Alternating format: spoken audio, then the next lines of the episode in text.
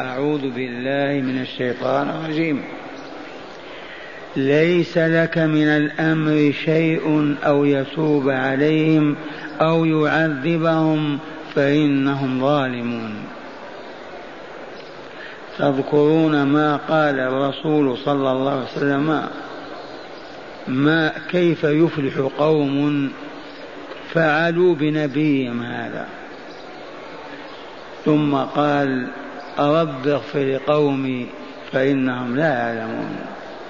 لما نزلت هذه الآية ليس لك من الأمر شيء أو يتوب عليهم أو يعذبهم فإنهم ظالمون. وأو قلنا بمعنى حتى ولله ما في السماوات وما في الأرض يغفر لمن يشاء ويعذب من يشاء والله غفور رحيم. تذكرون ما بينا. المعتزلة يحتجون بهذه الآية على أن الله لا يغفر كبائر الذنوب ومن مات عليها يخلد في النار. والآية لا تحمل هذا. لأنها في سياق حال الكافرين المشركين ممن جاءوا يحاربون رسول الله صلى الله عليه وسلم والمؤمنين في غزوة حد وفي غزوة بدر قبلها. فقوله يغفر لمن يشاء من هم الذين يشاء الله مغفرة ذنوبهم؟ الذين تابوا إليه وأنابوا ورجعوا فآمنوا وصدقوا وأطاعوا الله ورسوله وأخلصوا في طاعتهم. هؤلاء وإن عاشوا على الشرك عشرات السنين متى تابوا إلى الله قبلهم وغفر ذنوبهم وأسكنهم فراديس الجنان. يعذب من يشاء تعذيبه من ممن أصروا على الشرك والكفر وماتوا عليه. أهل الإيمان إن ماتوا على كبائر الذنوب إن شاء غفر لهم ولم يدخلهم النار وإن شاء عذبهم ثم أخرجهم بتوحيدهم من النار. وهذا هو الجمع بين مذاهب المعتزلة ومذاهب أهل السنة والجماعة. وقوله تعالى يا أيها الذين آمنوا لا تأكلوا الربا أضعافا مضاعفة. تذكرون أن هذه الصيغة أضعاف مضاعفة؟ لا تدل على أن الربا لا يحرم إلا إذا تضاعف. وإنما خرجت مخرج الواقع الغالب في تلك الأيام. إذ كان الرجل يكون عليه دين لأخيه. فإذا حل الأجل قال أخي أخر وزد. ما عندي ما أسدد به أخرني حولا آخر وزد. ويأتي الحول الثاني وما استطاع فيقول أخر وزد فيصبح الدين أضعاف مضاعفة. كان هكذا. وإلا فدرهم الربا كقنطاره. لا فرق بين القليل والكثير فيما حرم الله عز وجل. درهم واحد يعذب الله به صاحبه وهو والعياذ بالله أفضح من ثلاثين زنية.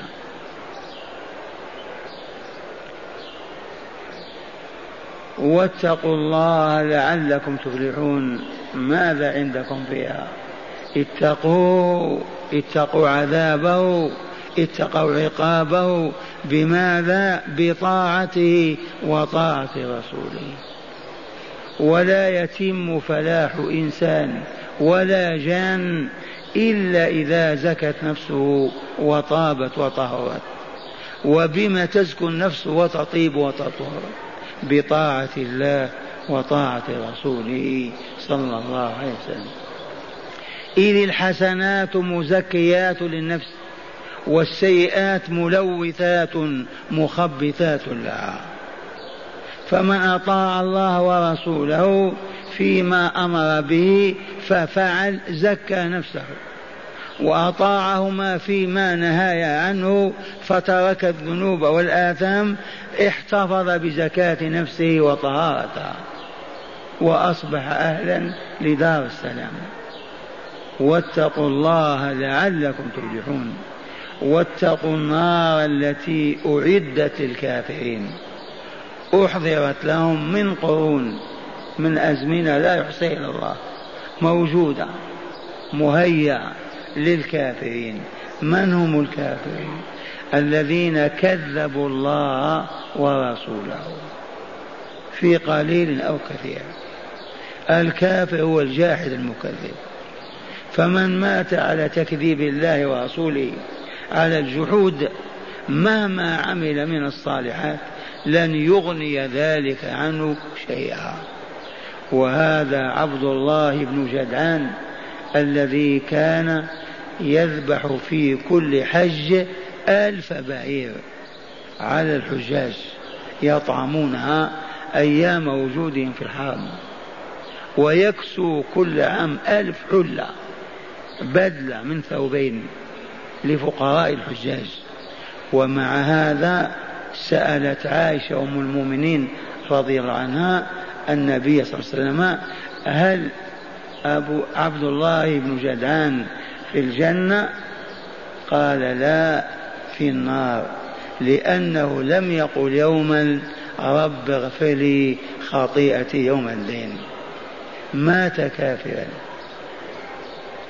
مرة ثانية الحسنات حقيقة لا تكون حسنة محسنة للنفس مزكية لها إلا إذا كانت مما شرع الله وعملها عبد الله أو أمته إيمانا واحتسابا. أما حسنات ما شرع الله لن تكون حسنة وإن كانت في ظاهرة من فعل الخير. ثم تلك الحسنة إذا لم تؤدى على الوجه الذي بين رسول الله لن تنفع لن تزكي النفس. هذا معلوم لديكم. وأخيرا وأطيعوا الله والرسول لعلكم ترحمون. باب الرحمة مفتوح.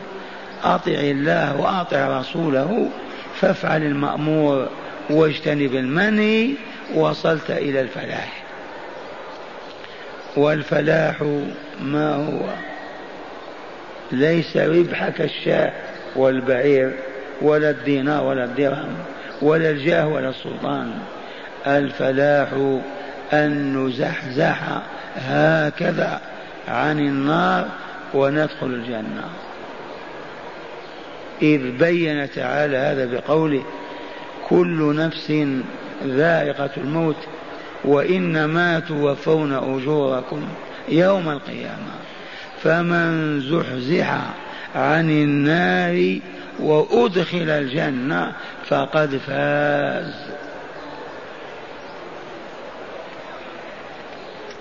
والآن مع الآيات بمفرداتها وشرحها وهداياتها لأننا أمس تجاوزنا هذا. أولا ليس عليك ليس لك من الأمر شيء. ما المراد بالأمر هنا؟ قال الأمر هنا الشأن والمراد به توبة الله على الكافرين أو تعذيبهم. ليس لك من أمر تعذيبهم أو هدايتهم يا رسولنا شيء. هذا لنا. لأن لنا ما في السماوات وما في الأرض نغفر لمن نشاء ونعذب من نشاء. الأمر الشأن والمراد هنا توبة الله على الكافرين أو تعذيب كلمة شيء قال نكرة متوغلة في الإبهام والجهل وأصل الشيء ما يعلم ويخبر به. الشيء ما هو؟ ما يعلم أو يخبر به. قل أو كثر تفه أو عظم. قوله أو ليس لك من الأمر شيء أو يتوب. قالت العلماء هنا أو بمعنى حتى أي فاصبر حتى يتوب عليهم أو يعذبهم خلهم حتى يتوب عليهم ويعذبهم قوله لله ما في السماوات أي ملكا وخلقا وعبيدا. كل ما في السماوات وما في الأرض هو مملوك لله إذ هو خالقه وهم عبيده يعبدونه يتصرف فيهم كيف يشاء ويحكم كما يريد. وقوله لا تأكل الربا لا مفهوم للأكل بل كل تصرف بالربا حرام سواء كان اكلا أو شربا أو لباسا أو سكنا أو ما كان. وإنما مخرج الغالب أن الأصل في الأموال تؤكل. لا تقول أنا ما آكل الربا ولكن ألبس به ثيابا. هذا الحاصل من الربا لا ألبس وأنا أبني به منزل. أو تقول لا أنا أروح به على نفسي رحلة في الخارج. كل هذا باطل. لا يحل درهم الربا ولو كنت ترميه في المزبلة. ولا يحل التصدق به حتى على اليهود والنصارى. منعنا من أخذه امتنعنا. وإنما قال لا تأكلوا باعتبار الأكثرية والغالب أنه يؤكل. قال لا مفهوم للأكل بل كل تصرف بالربا حرام سواء كان أكلا أو شربا أو لباسا أو غير ذلك. الربا ما معنى الربا؟ لا تأكل الربا قد يقول قائل ما هو الربا هذا؟ بقلاوة وإلا مصلي من اللحم؟ قال في بيانه الربا لغة في لغة العرب الزيادة. رب الشيء يربو إذا زاد وكثر. الربا الزيادة. وفي الشرع أي شرع هذا؟ شرع الإسلام والمسلمين. شرعنا ديننا نوعان لا ثالث لهما. الأول ربا فضل والثاني ربا نسيئة. ربا فضل والثاني ربا نسيئة فالربا نوعان يا عباد الله. صنفان ربا فضل وربا نسيئة ويجب على كل مؤمن ومؤمنة أن يعرف النوعين. ما هو ربا الفضل؟ ما هو ربا النسيئة نسأل. نسأل أهل العلم. بلغنا أن الربا نوعان ربا فضل وربا نسيئة والآن ما عرفنا النوعين. بينوا لنا يبينون لنا. اسمعوا. ربا الفضل يكون في الذهب والفضة والبر والشعير والتمر والملح. بعبارة فقهية يكون في كل مقتات مدخر. في كل ما يقتات ويعيش به الإنسان ويصلح للادخار. أما البطيخ والحبحب والبرتقال ما يدخر. إذا إن بعت ذهب بذهب يجب أن يكون الوزن جرام بجرام كيلو بكيلو حرام الفضل لا زيادة. بعت فضة بفضة إياك أن تفضل وتزيد. كيلو بكيلو قنطار بقنطار. بعت قمح بقمح كيس بكيس خيشة بأخرى كيلو بكيلو حبل بحبل لا تزيد حرام لأنه نوع واحد. بعت شعير بشعير أيضا إياك أن تفضله وتزيد عليه حفنة وإلا كيلو. ملح الملح يدخله الربا لأنه هو عنصر الطعام. إذا إذا بعت ملحا بملح بيع كيلو بكيلو قنطار بقنطار إياك أن تزيد. فإن زدت فقد رابيت ربا الفضل أي الزيادة. كلمة الفضل هي الزيادة. تعشيتم قالوا. وهذا الذي بقي هذا فضل. زائد عن طعامنا ولا لا؟ فربا الفضل هو الزيادة. هذه الأجناس وضعها الرسول صلى الله عليه وسلم كقاعدة. إذا بيعت ببعضها البعض يحرم الفضل والزيادة. إن اختلفت الأجناس بعت فضة بذهب قنطار فضة بعشرة كيلو ذهب ولا حرج. بعت قمح بشعير نعم قنطارين شعير بقنطار قمح أو أقل. بعت ملح بتمر قنطار تمر بعشرة قنطار ملح ولا حرج. إذا اختلفت الأجناس فبيعوا كيف شئتم بحسب الأسواق. إذا اختلفت هذه الأجناس فبيعوا كيف شئتم أي زيدوا الفضل ولا حرج. لكن إذا بعت ربوي بمثله لا يحل زيادة من جنسه. قال ربا الفضل يكون في الذهب والفضة والبر والشعير والتمر والملح فإذا بيع الجنس بمثله يحرم الفضل أي الزيادة ولو حفن ولو جرام. ويحرم التأخير أيضا. إذا بعت فضة بذهب. أعطيته فضة فأعطاك ذهب. التفاضل يجوز كيلو بعشرة لكن يجب أن يكون في مجلس واحد. ما تأخذ الذهب وتقول آتيك بالفضة أو تأخذ تعطي الفضة وتقول آتيك بالذهب؟ لا يجب أن يكون في المجلس. بعت تمر بتمر برني بعجوة مثلا. أولا يجب صاع بصاع. ثانيا في المجلس لا تقول أعطيني وأنا آتيك بعد. ربا الفضل الزيادة محرمة إذا الجنس واحد. أما إذا اختلفت الأجناس بيعوا كيف شئتم بحسب الأسعار والسوق. ويحرم التأخير. أما إذا اشتريت كتان بفضة شيء ثاني.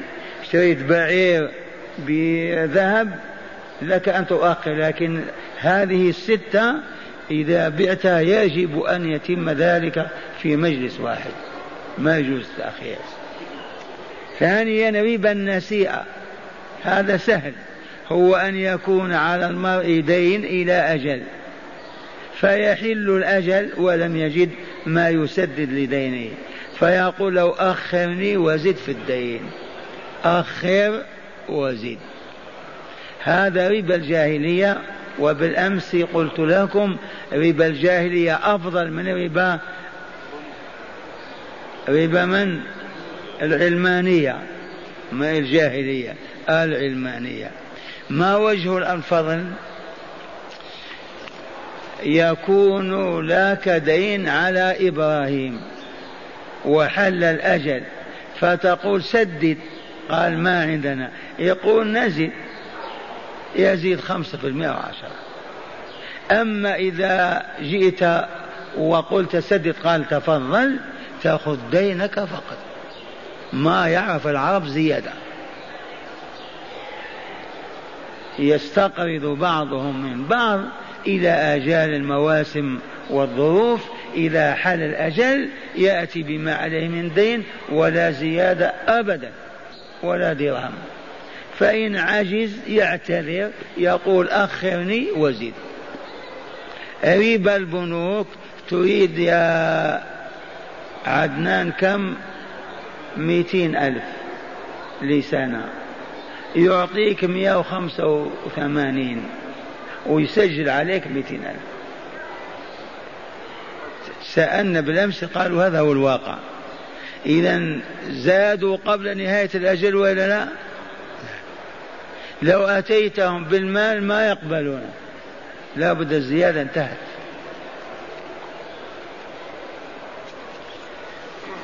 قال وربا النسيئة هو أن يكون على المرء دين إلى أجل فيحل الأجل ولم يجد سدادا لدينه. فيقول له أخرني وزد في الدين. يتفقون على الزيادة. كثرة وقلة.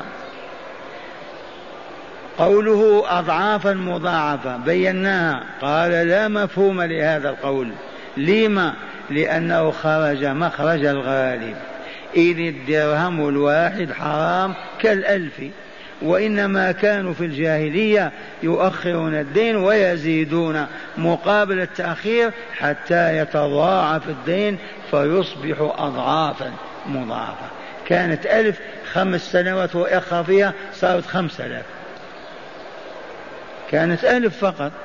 جاء الأجل أعطي قال ما عندنا. أخرناها زيد ألف أخرى إلى العام المقبل. إذا مرت خمس سنوات ستة تصبح مضاعفة ولا؟ مضاعفة.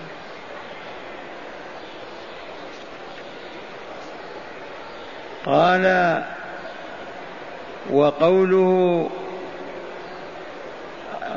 أضعاف مضاعفة لا مفهوم لهذا لأنه خرج مخرج الغالب.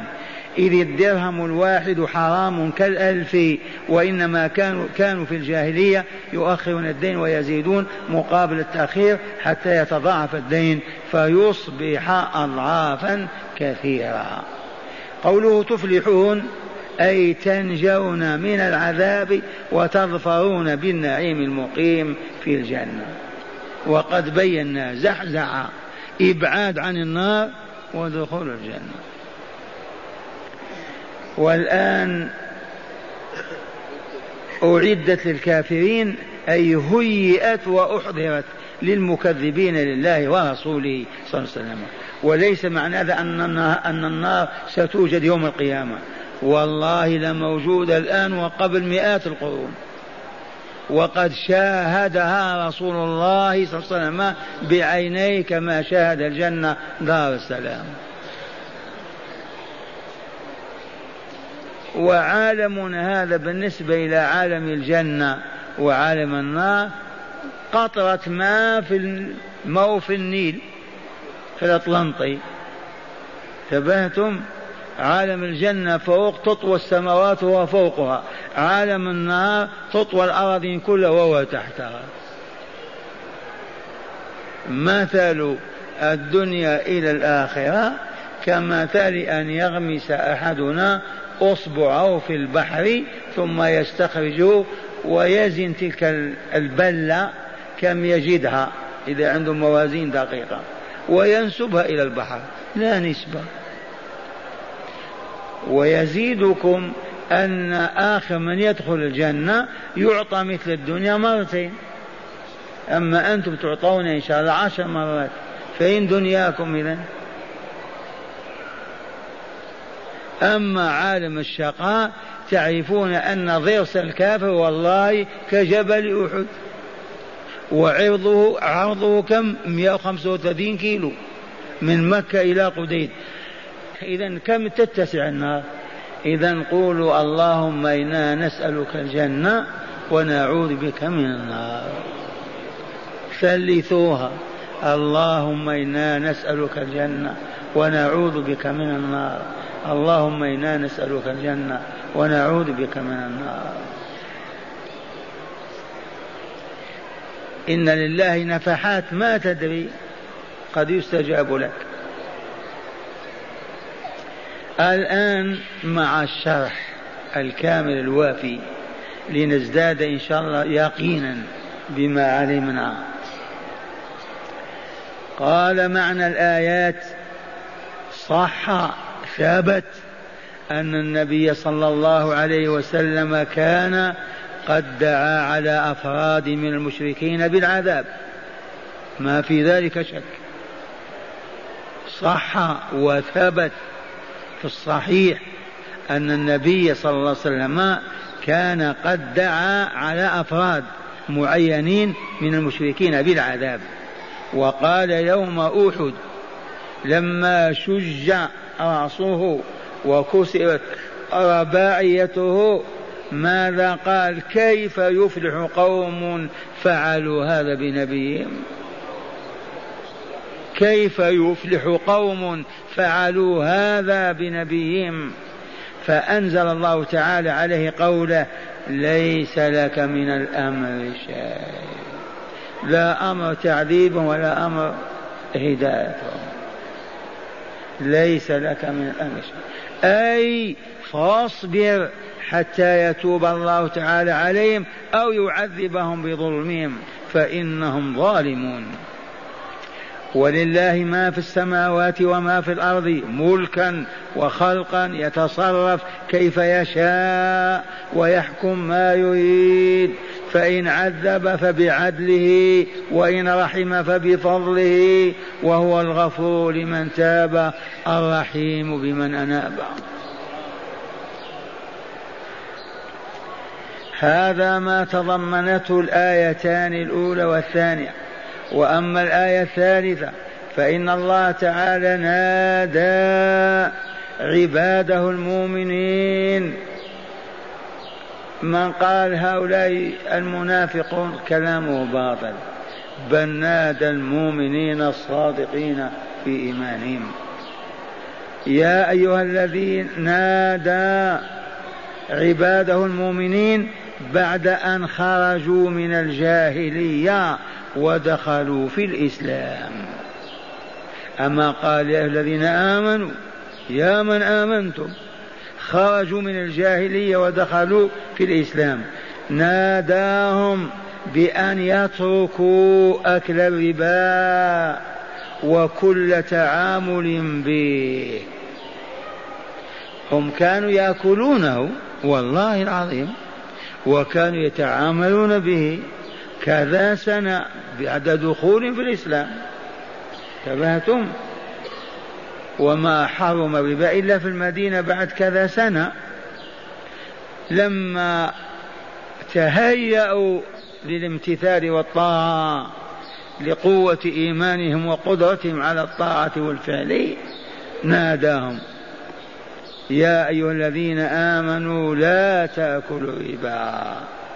فناداهم بأن يتركوا أكل الربا وكل تعامل به ولو ما يؤكل. فقال عز من قائل يا أيها الذين آمنوا أي بالله ربا وبالإسلام دينا وبمحمد رسولا. هكذا الإيمان وإلا لا؟ لا تأكل الربا أضعافا مضاعفة إذ كان الرجل يكون عليه دين ويحل أجله ولم يجد ما يسدد به فياتي إلى دائنه ويقول أخر ديني وزد علي. وهكذا للمرة الثانية والثالثة حتى يصبح الدين بعدما كان عشرا عشرين أو ثلاثين. وهذا معنى قوله تعالى أضعافا مضاعفة. ثم أمرهم بتقواه عز وجل. وواعدهم بالفلاح إنهم اتقوه. فقال عز وجل واتقوا الله لعلكم تفلحون. لكي تفلحوا نسأل العوام ما معنى الفلاح هذا الذي يفلحونه؟ من يجيبنا من أبنائنا العوام. حتى نعرف أنهم يفهمون. أنت عمي أنت بعينيك الأربع هاتوا يا عم ابن عمي ما الفلاح الذي وعدهم به؟ لأن تقوى الله معناها فعل المأمور وإلا لا؟ والمأمور هذا لما يفعل عبد الله بشروط ماذا يحدث له؟ يسمنه. قولوا يزكي نفسه يطيبها ويطهرها. وإذا اجتنب المنهي ما هي النتيجة؟ يبقى ذاك الطهر كما هو بل ينمو ويزيد. لأن من اغتسل ثم صب على رأسه بول وسخ. انتفع بذلك ما انتفع. فلا بد أن يحافظ على ذلك الطهر. وهل في هذا حكم صادر عن الله عز وجل؟ قولوا يا أبا عبد الله. هذه الحقيقة. لقد صدر حكم الله على الإنس والجن. ونصه قد أفلح من زكاها أي نفسه وقد خاب من دساها أي نفسه والتزكية تكون بفعل الطاعات والتفسية تكون بفعل المحرمات. الماء والصابون يطهران الأنجاس ولا لا؟ والبول والعضع يوسخان الأبدان ولا لا؟ ذي سنة الله عز وجل والعجب كيف يجهل المؤمنون هذا؟ لا عجب ما سمعوا هذا الكلام أبدا. القرآن يقرؤون على الموتى. أما الأحياء لا. قال واتقوا الله لعلكم تفلحون. أي كي تفلحوا بالنجاة من العذاب والحصول على الثواب ألا وهو الجنة. دار السلام. جعلنا الله من أهلها. قال وفي الآية الرابعة أمرهم تعالى باتقاء النار التي أعدها للكافرين فهي مهيئة محضرة لهم واتقاؤها يكون بماذا؟ بطاعته تعالى وطاعة رسوله صلى الله عليه وسلم فقال عز وجل واتقوا النار التي أعدت للكافرين. للكافرين من هم؟ أبو جهل وعمرو بن للكافرين أي للمكذبين بالله ورسوله. فلذا لم فإذا لم يعملوا بطاعتهما لأن التكذيب مانع من الطاعة. هذه النار للكافرين لما لأنهم كذبوا فلم يعملوا بما يزكي أنفسهم ولم يتخلوا عما يدسيها. فبعثوا وأنفسهم خبيثة كأرواح الشياطين. كيف يدخلون دار السلام؟ مستحيل. قال وفي الآية الأخيرة أمرهم تعالى بطاعته وطاعة رسوله ووعدهم على ذلك بالرحمة في الدنيا والآخرة. وقد بينا كيف نحصل على رحمة الدنيا كيف أن يعيش المسلمون على قلب رجل واحد. متعاونين متحابين متناصحين أطهارا أصفياء أنقياء لا خبث لا ظلم لا شر لا فساد لا خلف للوعد لا كذب لا حسد لا بغضاء كأنهم أسرة واحدة. أية رحمة أعظم من هذه؟ وإذا كانوا هكذا انتفى شيء اسمه عذاب بينهم أبدا. رحمة في الدنيا وعزوا وسادوا وقادوا البشرية أيضا. رحمة في الدنيا وفي الآخرة بدخول الجنة دار السلام. قال وكأنه يشير إلى الذين عاصوا رسول الله في أحد وهم الرماة الذين تخلوا عن مراكزهم الدفاعية. فتسبب عن ذلك هزيمة المؤمنين أسوأ هزيمة. فقال تعالى وأطيعوا الله والرسول لعلكم ترحمون. هل هناك من عصوا رسول الله في أحد؟ أو ما سمعنا بهذا؟ كم رامي نعم. خمسون راميا. من نصبهم في مراكزهم؟ القائد الأعظم صلى الله عليه وسلم. بما أوصاهم. ألا تبرحوا. أماكنكم لنا أو علينا. وبعد لما شاهدوا الانتصار والمشركين هاربين وأموالهم تركوها والنساء مشمرات على خلاقلهن هبطوا يجمعون المال. رأى خالد خلو الساحة المركز القوي احتله برجاله وصبوا عليهم الحمم. فكانت الهزيمة النكراء بسبب ماذا؟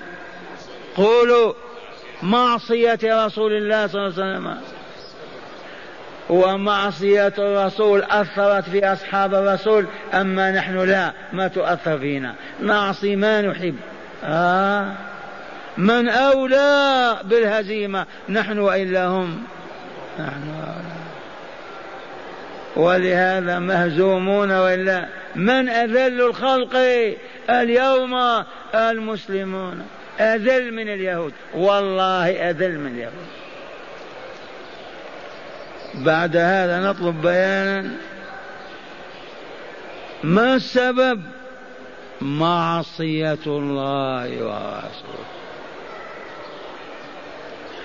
هل هناك غير هذا؟ والله ما هو لو تابوا وأطاعوا الله والرسول أربع وعشرين ساعة وهم أعز العالم والدنيا تضطرب لكلمة الله أكبر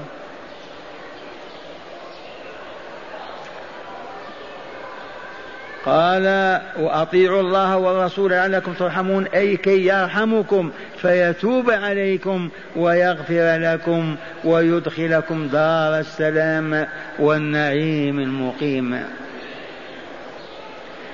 الآن استقر معنى الآيات الخمس في نفوسنا إن شاء الله. هذا خير من خمسين كيلو غرام ذهب. والله إن الذي وعي هذه الآيات وفهمها وعمل بها لخير له من خمسين قنطار ذهب أو من بنوك أمريكا كلها الآن هداية الآيات الخمس. هل لكل آية هداية؟ آه. إي ورب الكعبة. كل آية تهدي إلى أين؟ إلى دار السلام والبعد عن دار الشقاء والوباء. كل آية تدل دلالة قطعية على أنه لا إله إلا الله وأن محمدا رسول الله. هل يعقل أن يوجد كلام بدون متكلم؟ يعقل هذا الكلام؟ إذا هذه الآية من تكلم بها؟ من أنزلها؟ من أوحى؟ من قالها؟ الله. الله موجود إذا. كيف ينكر أو يكذب به؟ هذه الآية من الله على من نزلت. على العجائز في القرية على التجار على من اختار الله من البشرية كلها رجلا واحدا. وهيأه ليوحي إليه بها. إذا مستحيل أن يكون محمد غير رسول الله. مستحيل. كيف يوحي إليه وينزل عليه كلام ولا يكون رسولا؟ من ينفي هذا مجنون أو لا عقل له. كل آية تحمل هذا الهدى. قال أولا استقلال الرب تبارك وتعالى بالأمر كله.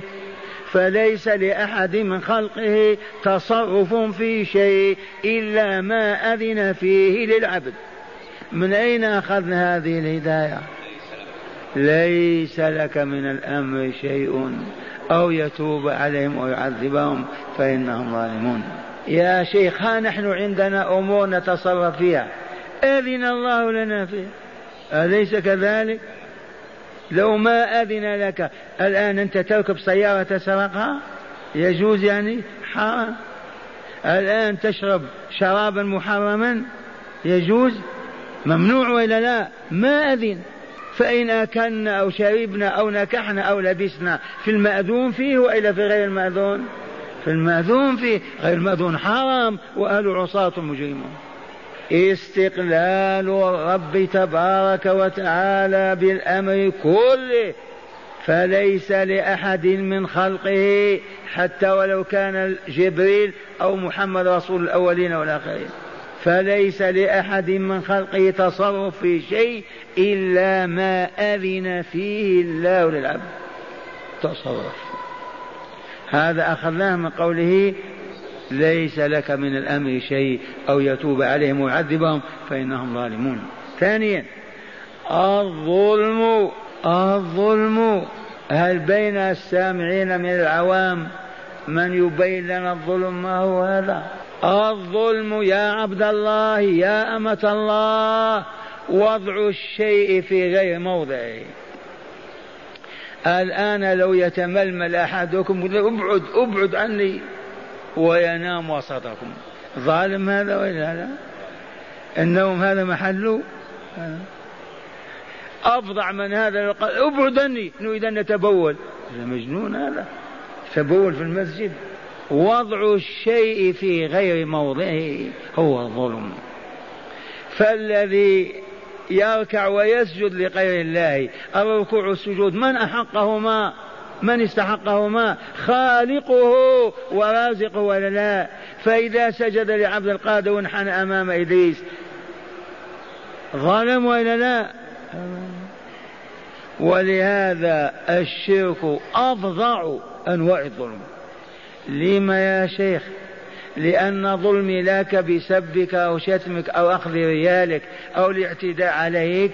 هذا ظلم بيني وبين إنسان لكن كونك تظلم الله الذي بيده كل شيء وتأخذ حقه وتعطيه لغيره عرفتم الظلم ولا لا؟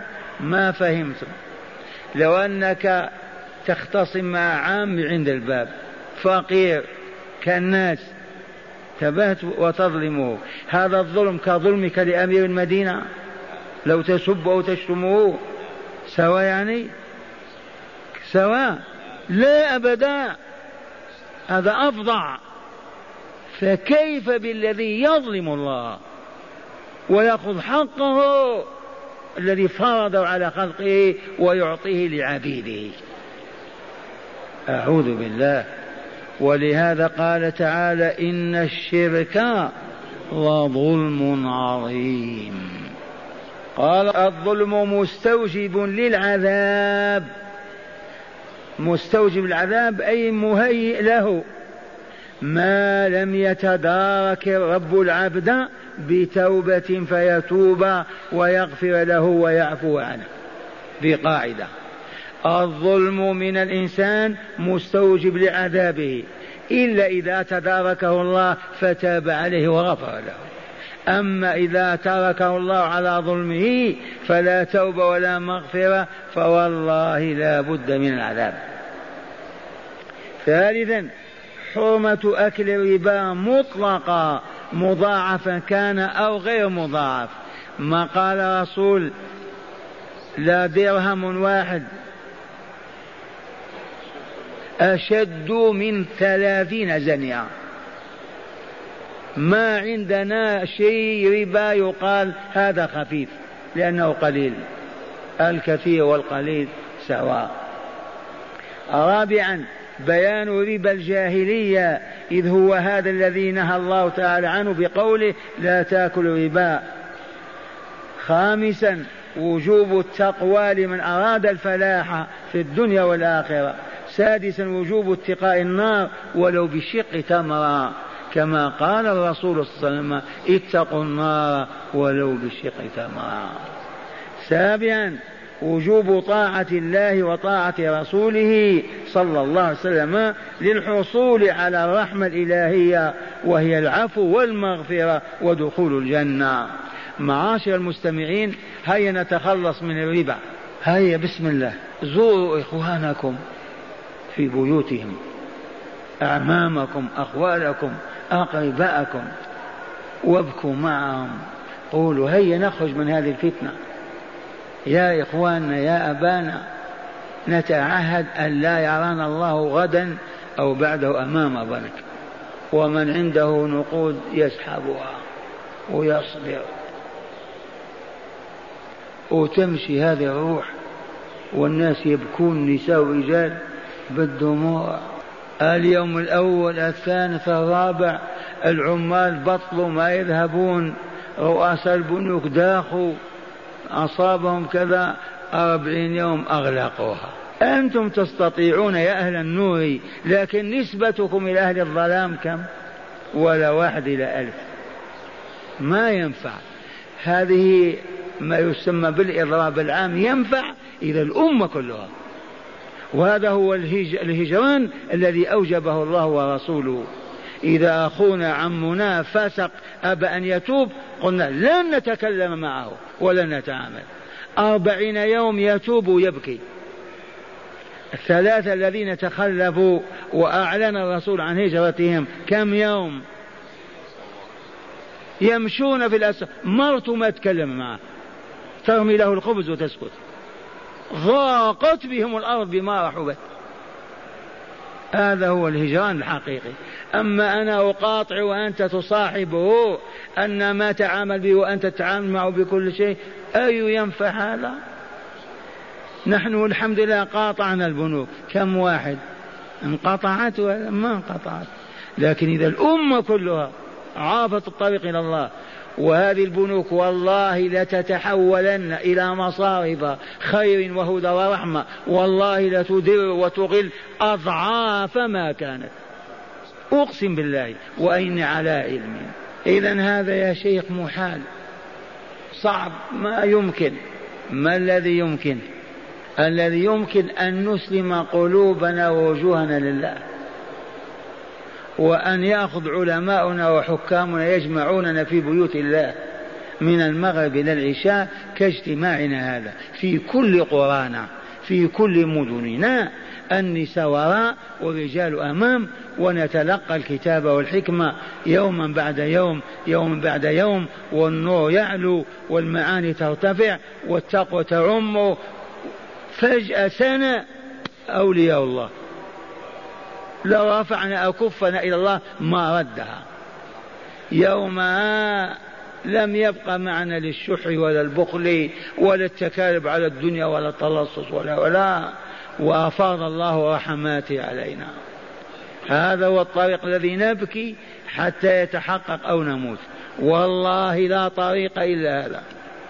أن نسلم قلوبنا ووجوهنا. لا. نفزع إلى ربنا نطرح بين يديه نبكي كل ليلة نتلقى هداه ورحمته في قرانا ومدننا. ما هي إلا أيام وقد أغدق الله نعمه وأفاض رحمته. طريق غير هذا مستحيل أن يتم به شيء.